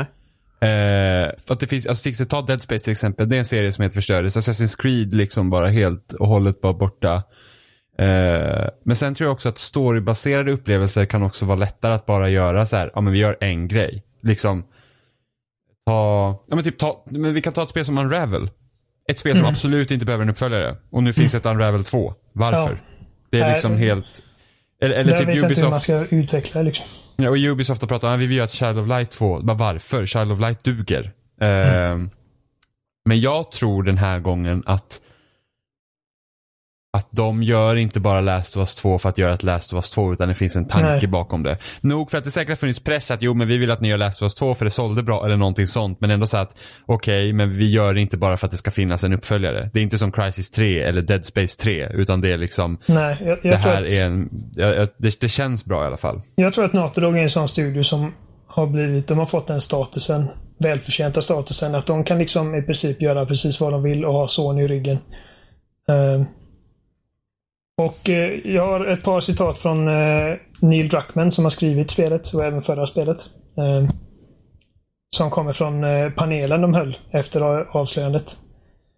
Eh, vi har ett citat här som går in mer på hatet i spelet. If the first game was really like the core of it, the theme was about the love between these two characters and how we build that story uh, through music, uh, interaction, gameplay, mechanics. This story is the counter to that. This story is about the hate and how we all use the same things to make the player feel that through Ellie this time. Sen pratar han om uh, setupen för spelet och även går in lite på det här liksom varför de ville fortsätta deras berättelse. Uh, We're a few years after the events of the first game. Ellie is now at 19. So much uh, thought went into this, and I know there's a lot of people that feel trepidation about going, coming back to these characters and revisiting what that ending means, and worrying whether that's going to spoil the first game. För det är, alltså, jag, jag har en kompis som när tvåan avslöjades och det var klart att Ellie och Joel är tillbaka så skrek han ut och hat och bara Fucking jävla Natodog, Dog, de kommer fucka upp det här mästerverket nu.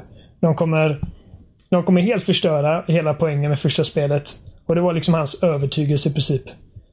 Hej Aldin, om du lyssnar, din tjomme. Aldin, seriöst? Ja, han, han, han, han bara fucking jävla hor som vågar Oj. liksom. Som vå, hur vågar de liksom? Eh, han, är, eh, han är orolig för att poängen med första spelet ska gå förlorad.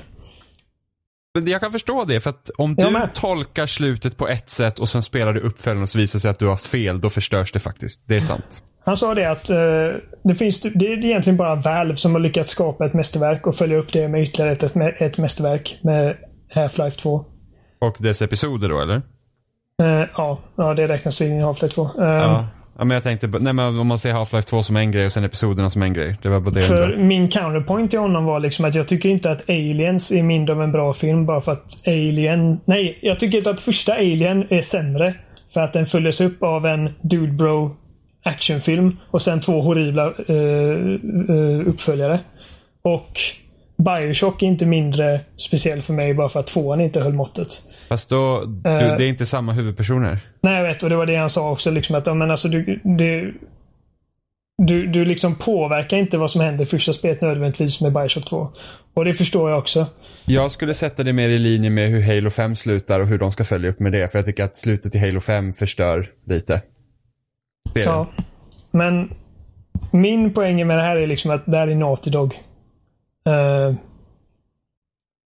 och eh, jag känner liksom bara tanken på att spela Last of Us 2 med någon annan än El- Ellie och Joel är helt absurd för mig. För att första spelet, det är liksom hjärtat, essensen, hela poängen med hela det spelet är de två personerna. Och utan dem så är det inget Last of Us. Det är liksom den världen är, det är inget Bioshock. Det är liksom, det är inte en, en spelvärld som har utrymme för oändliga historier på samma sätt.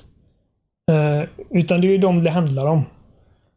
Eh, Men då kommer vi till Johans poäng att då kanske det gjort något, gjort, göra något helt annat. ja, och på det svarar Neil Druckmann så här. And you have to understand that we feel all those things as well. No one loves these characters more than we do, and we would not do this if we didn't feel that we had the right idea. Part 2 is going to be a larger story. This is a complementary story to the first game. But, nay, but the two together are going to tell this much larger tale. And all I ask for, uh, ask of the fans of the first ones, uh, put some faith in us, trust us. We're not going, we're going to do right by you. Uh, och det tar oss till min nästa poäng. Uh, scenen i trailern började filas på redan för två år sedan. Ja. De har haft tid att liksom brainstorma. Jag menar, jag, jag tror inte att det har gått en dag utan att folk på Naughty Dog har funderat på hur de skulle kunna ta vidare det. Och särskilt när det kommer till Neil Druckmann som verkligen, alltså man, man bara märker på honom liksom att han känner extremt djupt för de här karaktärerna som han har skrivit. Uh, och det säger mig också liksom att det här är inte en reaktionär grej de har gjort. De bara, ah, vi måste, ja, oh, Uncharted 4 är slut. Vad gör vi nu? Vi gör Last of Us. Okej, vad, ska, vad ska det handla om? Vi hittar på någonting. Utan det här är någonting de har tänkt på väldigt, väldigt länge. Och det ger mig trygghet i alla fall. Ehm, Ja. de har en ny Mm. motor. För det här spelet. Oj. Var inte det bara en utveckling av deras förra? Eh, det jag läste var att de har en ny motor. Menar, det, alltså det, det finns ju säkert spår av deras gamla grejer Ja, jag har för mig att det var en uppdatering, alltså, det var, alltså de hade uppdaterat motorn speciellt för PS4 nu Mm. på ett annat sätt. Eller något. Eh, och eh, vi vet också att kompositören för första spelet, Gustavo Santaolalla, uh, kommer att återvända för att göra soundtracket till fy- tvåan. Och vi vet också att Bruce Straley som var Game Director. För att första spelet och även Uncharted 4, de, det leddes ju av både Neil Druckmann som skrev story och eh, fick till liksom, som gjorde narrativet. Medan Bruce Straley var den som hade med, han var Game Director så han, han var den som höll trådarna mer i själva spelet som sådant. Och eh, nu är alltså inte Bruce Straley eh, inblandad på det sättet längre. Utan det verkar vara, det här verkar vara helt och hållet Neil Druckmans grej. Ja, för att det är alltså det var typ tack vare Bruce Straley som spelet inte, alltså första spelet inte blev mörkare än vad det var. Mm, jag läste också Det var, någonstans. det var ju problemet att det, skulle vara ännu, ännu mörkare. Ehm, och det är väl typ, jag är mest intresserad av hur de har tagit vidare, alltså hur de kommer utvecklas som studio med tanke på att Uncharted 4 till exempel, det fixar typ de flesta av mina problem jag haft med Uncharted-serien. Mm. Att jag tycker att Uncharted 4 är jättebra och jag har inte tyckt att de andra Uncharted är bra på det sättet. Just för att man, man, man vågar att ta bort många strider och man vågar ha lugna moment och jag vet att många tycker att åh spelet blir så segt här. Men jag älskar det. Alltså, det, det alltså jag tycker det är så himla skönt att inte slåss. Eh, och det var ju någon så här, också en intervju med Rolling Stones med Druckmann och det var ju det att han sa typ att att många liksom tycker att de, de tycker inte om spelet för att det är så långsamt och sådana där och att liksom för dem är spelet att du har ett vapen och skjuter folk. Det är liksom det spelet. Ja, precis. Eh, men han vill liksom Han säger så här, okej om, om några av dem inte köper vårt spel men vi kan vinna andra som, som tycker om de andra sägerna, alltså sakerna som jag Ja. då då. eh, Och som jag. Då är, då, då är det värt det och då känner jag bara att det är jättebra att man tänker så för då kanske man kan röra mediet framåt. För att det är fortfarande ett problem och det har ju läst oss också, har lite av det här samma problem, hur, får, hur rättfärdigar man att man skjuter så många människor och samtidigt ska kunna berätta en emotionell story, att du ska kunna relatera till de här eh, karaktärerna på det sättet när de är i princip är massmördare. För att på någon front måste man ju själv så här, då distanserar man ju gameplayet från storyn. Hos sig själv också. Det tycker inte jag är ett problem med The Last of Us för att det, det klargörs hela tiden liksom att Joel är en mördare. Det finns Jo, liksom men- ingenting han inte gjort i den här Nej, världen. Jag vet, men samtidigt till en viss grad så blir det liksom att man, jag hade kunnat svårt att koppla bort det emellanåt och att, att vissa moment är typiskt speliga bara för att det är ett spel. Som jag kände att man hade kunnat liksom göra på ett annat sätt. Uncharted 4 hade ju många sådana liksom grejer som inte är vanligtvis i det här spelet. Men typ som när man är hemma hos eh, Nate och Elena eller när man liksom simmar och letar efter grejer på, havets botten för att Ja, man gör liksom- sitt jobb. Liksom bara så här va- Mer variation alldagliga i tempot. Ja, men alldagliga och vanliga saker liksom. Eh, och det ska bli jättespännande att se hur de utvecklar de idéerna till Last of Us 2. För att man såg ju att Last of Us påverkade Uncharted 4. Som i sin tur säkert kommer påverka Last of Us Part 2. Jo, men det är klart Eh. att eh, en studio läser av allting de gör givetvis. Och, Jo, eh, men jag tänkte bara Uncharted 1, 2 och 3 är ju ändå väldigt snarlika och har samma problem. mm, ja. eh, och Last of Us hade inte varit hälften så bra om de inte hade haft de här lugnare delarna heller. För att de har ju... Nej men tänk om man har tagit bort alla grejerna typ när man eh, när man går och letar efter loot och grejer. Tänk om det bara hade varit strid på strid på strid på strid i princip. Och sen kanske blandas någonting när man liksom flyttar Ellie på en jävla eh, pall i vattnet. Att det är liksom pusslerna. Och resten är, resten är strider. Det hade liksom, det hade, då hade det ju varit ännu jobbigare. Precis. eh, det var typ allt på min lista. Eh, nej men jag ser fram emot det riktigt mycket. Det ska bli jättekul att spela, se vad de har gjort.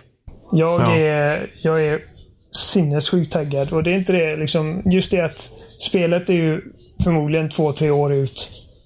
Eh, men det gör mig inte så jättemycket. Jag är bara glad över att det existerar och att inriktningen de har tagit med det verkligen stämmer överens med vad jag har hoppats på att de skulle göra med det. Och då, då kan vi ta en annan fråga. Om vi tycker att Death Stranding var på tok för tidigt att visa. Är det här för tidigt att visa? Jag tycker man är medveten, jag tycker man är typ medveten om att det här är långt borta och att det kommer förmodligen bli bra när det kommer. Så att det, det blir typ... Jag är mer osäker med Kojima. Det, som, det som talar emot Kojima är att liksom, det är bara abstrakta idéer vid det här laget. Eh, och eh, Det känns som att det finns en riktning med Last of Us. Ja, precis. Vi har liksom ett...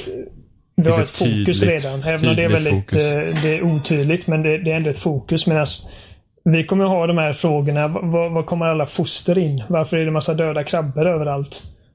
Varför är Norman Reedus naken? Eh, varför är Guillermo del Toro med? Alla de här frågorna är liksom, det, det är sånt, du kommer inte hitta några svar i någon av de trailersen och det är sånt vi kommer leva med i... Jag tror inte att, jag tror att Last of Us kommer släppas före Death Stranding alltså. Det tror jag med. Eh, för att Naughty Dog, de, de vet vad de håller på med. Men de tar ju sin tid på med, med vad de gör. Men de har liksom en tydlig vision för spelet redan.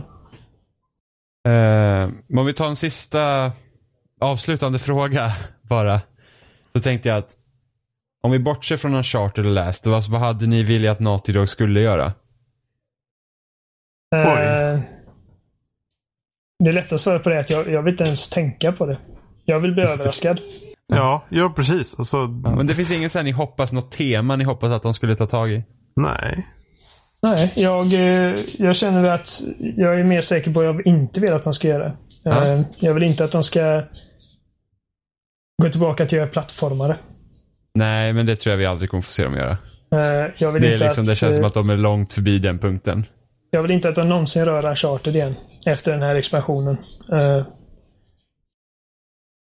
och inte för att jag inte vill se Naughty Dog göra Uncharted. Jag vill inte se något Uncharted efter detta. Liksom, jag känner att det är liksom ett avslutat kapitel nu. Och... Jag vet inte. Alltså, jag, jag, inte nödvändigtvis någonting som är mörkare än Last Us. Jag vet inte hur mycket mörkare man kan göra det. Men liksom någonting som behandlar ett annat vuxet tema på ett helt annat sätt. Utanför actiongenren kanske. Ja, möjligtvis. eh, Och jag vill inte se dem göra massa... Nej, jag skulle inte vilja se till exempel Naughty Dogs eh, version av eh, Beyond Two Souls. Jag vill inte se dem göra ett... Jag vill att det ska, hållas, det ska hållas mänskligt känner jag. Ja. Det är typ det enda som jag har. Jag vill att de ska fortsätta berätta mänskliga historier. Jag var ju förut inne på att jag skulle vilja se dem göra ett narrativt drivet spel i en öppen värld. Eh, och se hur de Det har varit skulle, intressant. ja, men se hur de skulle kunna lösa det för att det är ingen som har gjort det än. Nej. Och jag känner det liksom, alltså man tar om typ Final Fantasy 15 är att det är ett öppet värld men det, det känns alltså på ett helt annat sätt än vad JRPGs brukar vara och det känns som att det bromsas av det. Eller typ Eh, om vi tar vilket öppet världsspel som helst. Alltså även GTA lider ju av de problemen att du får ju i princip story när du går och ser de här cutscenes inför varje uppdrag. Men sen så är det liksom, det, det, det, det är ändå inte den här, vad ska man säga, fokuserade historien på samma sätt som det blir i ett mer linjärt spel. Men jag vet inte om jag vill att de ska göra det ändå, för jag vet inte om jag orkar med mer öppna världar. Nej, inte heller. Alltså, om det nästa spel skulle vara eh, Open World-spel så hade jag givetvis spelat det. Jag hade mest troligt sett fram emot väldigt mycket också. Eh, mest för att jag vill se hur de hanterar det, eh, som du säger. Då tror jag nästan det är bättre det sättet som de gjorde i Uncharted 4, att de har mer öppna banor i spelet. Ja. Eh, Att de inte låser sig till en specifik plats. Precis, och det hoppas jag att de bygger vidare på med både eh, Uncharted Lost Legacy och eh, Last of Us Part 2. Eh, Ja. Jag... Eh, jag, jag, vill att det- näst, nästa gång de visar upp ett nytt IP så vill jag liksom att det ska vara någonting jag inte hade väntat mig av dem. För samtidigt som att det liksom ska kännas väldigt Naughty Dog. För att jag hade aldrig kunnat gissa att de skulle göra Last of Us efter Uncharted 3. Um, Nej, jag kommer ihåg den revealen. mm. Alltså det fick ju till och med mig att bli liksom eh, spänd på det. Liksom att, oh, vad är det här? Det här är nog annorlunda. Även fast det är typ zombiespel, men det är ändå inte zombiespel om man säger så. Eh, Ja, det- nu när du frågar mig så kommer jag tänka på liksom att det, Natodog är en sån studio som jag tror hade kunnat göra grejer av saker som jag inte nödvändigtvis är jätteintresserad av. Uh, Naughty Dog presenterar Mulle Meck. Natodog presenterar andra världskriget. Hur hade det sett ut? Jag vet inte om jag hade velat se det. Inte jag heller, men jag bara undrar liksom. Hade, Men för att Det, det, är hade liksom, ändå varit spännande att se dem göra ett krigsspel. Alltså, Chris- eh, Christopher Nolan gör, hans, hans nästa film är en andra världskrigsfilm. jag vet, jag tycker det är lite tråkigt. Oh, men tänk om den är awesome. Ja, tänk, det liksom, kan det säkert vara, men jag tycker ändå det är Eh, lite tråkigt. Det är bara, för att de är en sån studio som jag känner att oavsett vad de gör så känner jag liksom att jag kommer vara intresserad av det. Ja, men Ja. jag tror vi får sätta punkt här för den här veckan. Ja, Jag tror Ja. inte, vi hinner inte med Final Fantasy 15. Vi har pratat så mycket grejer, så vi pratar om Final Fantasy nästa vi vecka. tar det nästa vecka. nästa vecka. Rob, då tror jag att vi Rob på? är typ en och en halv timme. Ja. Eller ja, Jävlar. lite mindre. Jag tror vi spelar in på typ 10 minuter, så kanske 1.20. Men eh, vadå, Robin har säkert spelat Final Fantasy 15 då. Men jag känner att vi har alldeles för mycket att säga om det i så fall. att Ja. vi ska orka sitta här. Det roliga är att jag har inte så mycket att säga om det. Ja, du är ju mer positiv än vad jag är. Jo, du Jag bara, det enda jag hör det är bara klaga på allting. Jag, Jag bara, jag, haft tycker det är en- mysigt. Jag står här Ja. och fiskar och du bara, fy fan får fiska, det är ju sämsta någonsin. Alltså jag har haft skit otur med det här spelet, men det får vi prata om nästa vecka. Alltså jag har haft sån otur. Alltså allt som har gått fel har gått fel. Mm. Och det beror mycket på spelets olika system. Eh, Men det, mer om det nästa vecka. Så, Ja. Vilken cliffhanger vi slutar på. Annars finns vi som vanligt på spelsnack.com. Eh, och ja, där hittar ni länkar till YouTube och Facebook och iTunes och RSS-flöden och fan hans moster. Click vi, that shit. Ja, klicka som fan. Och var hittar vi Oliver då? Uh, Oliver Thulin på Twitter. Ja, där hittar vi Inga Oliver. konstigheter. Där twittrar han saker. Inte ofta, jag retweetar mest. Ja, det är, Grejer. nog, det är nog samma här med. Eller jag följer Eh. mest folk i alla fall. Ja. Eh, Ja, men där, där finns jag helt enkelt. Och och, på Instagram. ja vi- vill ni oss Mm. någonting så är det bara att skicka ett mejl eller någonting. Uh, Spelsnackgmail.com. Vi finns Ja. på Twitter också. kolla för säkerhets skull Alla- som inte har fått någonting. Alla hatmejl som går till Johan för att han kallar Last of Us för en sjua. Eh, skicka in dem. Ja, Alltså, alltså det är ju, det, det är ju typ, eh, det är ju typ internetiskt självmord. Jag, jag, jag, jag, sa, jag sa ganska brett också. Jag sa typ så här åtta någonting faktiskt. Så. Ja, så gick du ner därifrån. Ja men någonstans runt där svävar jag så här fram och tillbaka. Ja, men Jag, jag, jag, jag sa inte ett av tio. tagga när Last of Us 2 får typ en åtta av någon och folk kommer Åh, typ mordhota den personen. Det är typ två veckor innan release. Ingen har spelat det och alla kommer säga att fan vad fel du har. Eller hur? Men det är nästan så man vill ge spel jättelåga betyg bara för att betygsskalan är så konstigt använd när den används. Ja men det är som, det är som, det finns ju en utmanare till Metacritic som heter Open Critic. Okej. Och Aldrig talat om. deras, eh, jag tror jag berättade om det för dig Oliver. Men i alla fall de, de kör ju så att de listar ju olika recensioner och sen så, men de räk, alltså det Metacritic gör att även de recensionerna som inte har ett betyg på sig, de får ju någon form av siffra. Och Jaha. Open Critic gör inte det utan de hamnar i en egen eh, kategori. Men deras kategoriseringar spänner ju bara vidare på det här med att en sjua är typ dåligt. Ja. Eller liksom är mycket sämre bra och det, det, det, är, ju, det är ju problemet med hela den här eh, betygsinflationen. För man tittar på, ska vi se, nu ska jag gå in på Last Guardian här. I och för sig, 78 har Last Guardian och då räknas det som strong, vilket inte är något konstigt. Men liksom det är så här, Eh, 85 eller högre, då kallas det Mighty och då är det en jätteglad gubbe. 9, nu ska säga, 84 till 75, då är det Strong. Då är det också en mycket glad gubbe. 74 till 70 är Fair. Och då ser gubben typ nästan ledsen ut. Liksom det verkar såhär, oj, det här, det här, ja men det är inte riktigt ledsen, men det är såhär bara, ja det här var inte vad man hade väntat sig. Alltså munnen är rak liksom, man bara okej. Okay. Och sen 69 eller lägre är weak. Alltså kolla här. Det där är så jävla, fy fan för sifferbetyg. Alltså, alltså weak är ju liksom fem och neråt ska jag säga. Då börjar man tala om att det är ganska svagt. Liksom. Då, då börjar man känna att okej, okay, när det är under hälften av betygsskalan då, om man ska se, då, då, då börjar man liksom hamna på den lägre tröskeln och då kan ja. man säga weak. Eller under fem precis. Och fair kan ju vara 5-6 eller någonting sånt. Det, det, är jättelustigt. Så det, det, det tycker jag inte alls om. Det, är att, alltså, det finns massa spel som jag har tillbringat massvis med tid med och haft skitkul med som jag ändå skulle sätta en sjua på. Ja. Uh, det är liksom... Jag tror att... Men ett sånt spel som jag verkligen som jag känner så här efterhand att jag älskade spelet. Men för mig är Assassin's Creed Black Flag en sjua. Jaha, jag ska sätta det högre. Uh, vi behöver inte gå in jättemycket på det, men det är, liksom, det är ett sånt spel som det, det finns massvis av mindre grejer som klumpar ihop sig och stör mig. Medans på det stora hela tycker jag att det är ett skitbra spel. Uh, så att just det här liksom att, för att jag tror att, vad var det, jag tror IGN gav uh, Last Guardian 7 va? Jag tror det. Första kommentaren jag kollade senast var The Trash Guardian. liksom, Okej, okay, ja. det, det, är sju det avbokat. är inget dåligt betyg. Det är inte, min, det är inte värt min tid. Uh, jag tycker det är, det är fan det är skadligt. Men fan, när var det sist? Det var väl inte så länge sedan något spel fick, det var ett betyg som avvek och folk blev helt galna. Ja, det var, det var något, jag tror Polygon gav någonting, något spel som var ganska hög profil, typ en sju eller någonting. Jag kommer fan inte ihåg vilket det var. Och ah, Titanfall 2 tror jag det var.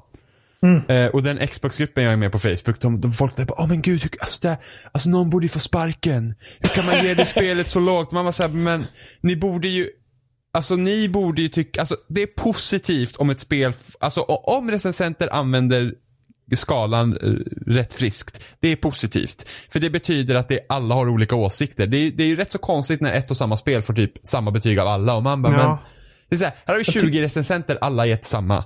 Jag det är lite märkligt. Inte hur det kan störa folk så mycket. Men jag, jag har absolut inga problem med att du Johan inte tycker att Last, Last of Us är lika bra som jag gör. Nej men det är ju en individuell upplevelse. Alltså, ja. Man kan jag, fastna jag, på olika saker liksom. Och... När jag sa det om hatmailen så bara, jag skojade bara givetvis. Men jag, vet att liksom, det kommer finnas någon som lyssnar på detta och bara liksom, fy fan. Knyter nävarna och säger den där jävla Johan. det, är som, eh, om ni vet vem, jag vet att Jimmy, men eh, Jim Sterling gjorde ett, eh, eh, gjorde ett program om det där med betyg som hette Hate out of 10. För 8 av 10. Så här, Cliff Blesinski hade blivit helt galna på någon för att de gav Gears 3 8.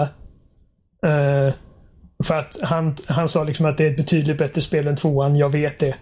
Eh, och hur många så här internetmobs som har blivit helt galna på att folk har gett bland annat Uncharted 3 en 8. Folk blir helt galna. Uh, och även Arkham City när det kom så fick det en 8 av någon och folk blev helt idiotiska av det. Alltså, jag, jag begriper inte. Jag det begriper helt, inte. Det är helt sinns Eller som när, när Uncharted 4 hade något betyg som var lite sämre än alla och det staplas en jävla namninsamling. Ja just det, att det skulle tas bort. Ja eller hur. Och Troy Baker skrev på den också. Och man bara, åh gud vad pinsamt. Åh gud. Det är så pinsamt. Helvete vad dåligt. Men det är inte alls bra. Det är, alltså, kritik är viktigt. Jag vet, jag vet att Aftonbladet fick mycket fläck för det när de gav 2 av 5 till The Last of Us. Ja. Det, det, var, det var en storm kring det då. Alltså folk var helt Folk var helt ja. ursinniga för han, att de hade mage att inte tycka som alla andra. Och han motiverade ju jävligt bra i recensionen ja. om varför. Men ingen läser, man läser ju inte recensionen. Nej, man går direkt man till betyget det. och så, ja, ah, klart. Till kommentarsfältet. Det var en jätteintressant, det var en jätteintressant recension liksom. Jag, Även om man inte håller med. Ja, men jag, jag, just det här liksom att bara, bara en sån grej som att Metacritic ens finns. Eh, jag vet att det är liksom en bekvämlighetsgrej och om jag som inte någon som inte är insatt i liksom spelsfären behöver kolla upp om ett spel är värt att köpa så kan det vara ett bra verktyg så sett. Men det är i alla Eh, fall en samlingsplats för olika åsikter. Ja, När de nu skiljer sig. Ja. men det är alltså... Ja, nej. Alltså det här, det här hade vi kunnat prata om ytterligare en timme. Alltså, jag tror att vi får... Oj. Ja. Ja, vi har i princip redan avslutat avsnittet. Vi, typ, vi typ körde så en kvart till. Det är bonusen. Det här är så här Ja, after precis. show. Eller hur? Vi så här, Endast för er som betalar. Ja, precis. Stöd oss på... Vi Har switchar lite betalmodell? pengar. Nej, vi har inte det. Ja, okej. Ja. Men, Ja, vi, vi får säga att hej då. Hej då Tack igen. för att ni lyssnade efter vi avslutade. Ja, Ja. exakt. Det, ja, precis. Tack för att ni håller kvar. Så här. Tänk dig stackars de så här, de som liksom bara, okej nu börjar man avsluta, nu kan jag bara skippa för nu kommer den här tråkiga låten och man lägger i slutet. Så bara, men så jätteintressant Tråkiga låten. Ah. Ja, sen återkommer vi nästa vecka med Final Fantasy då. då. Ja, och förhoppningsvis Last Guardian. Yes. Ja. Sen är det årets spel efter det. Oj, oj. Oj, oj, oj, oj. Gud, jag, jag, jag typ mår dåligt när jag tänker på det. jag bara, gud vad mycket jag måste hinna göra och det är B-uppsats i skolan. Och... FML. Ja, Hej då. Hej då. Ha det gott.